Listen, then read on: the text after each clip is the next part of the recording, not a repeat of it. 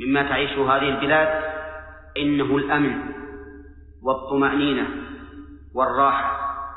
أمن طمأنينة رزق واسع كثير.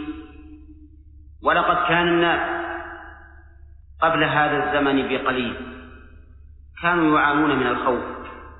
حتى إن الإنسان لا يخرج من بلده إلى بستانه الذي لا يبعد عن البلد إلا نحو عشر كيلو لا يخرج إلا ومعه سلاح حتى حدثنا بعض الناس أنهم قد لا يخرجون في البلد إلا ومعهم سلاحهم خوفا من أن يتهمهم عدو.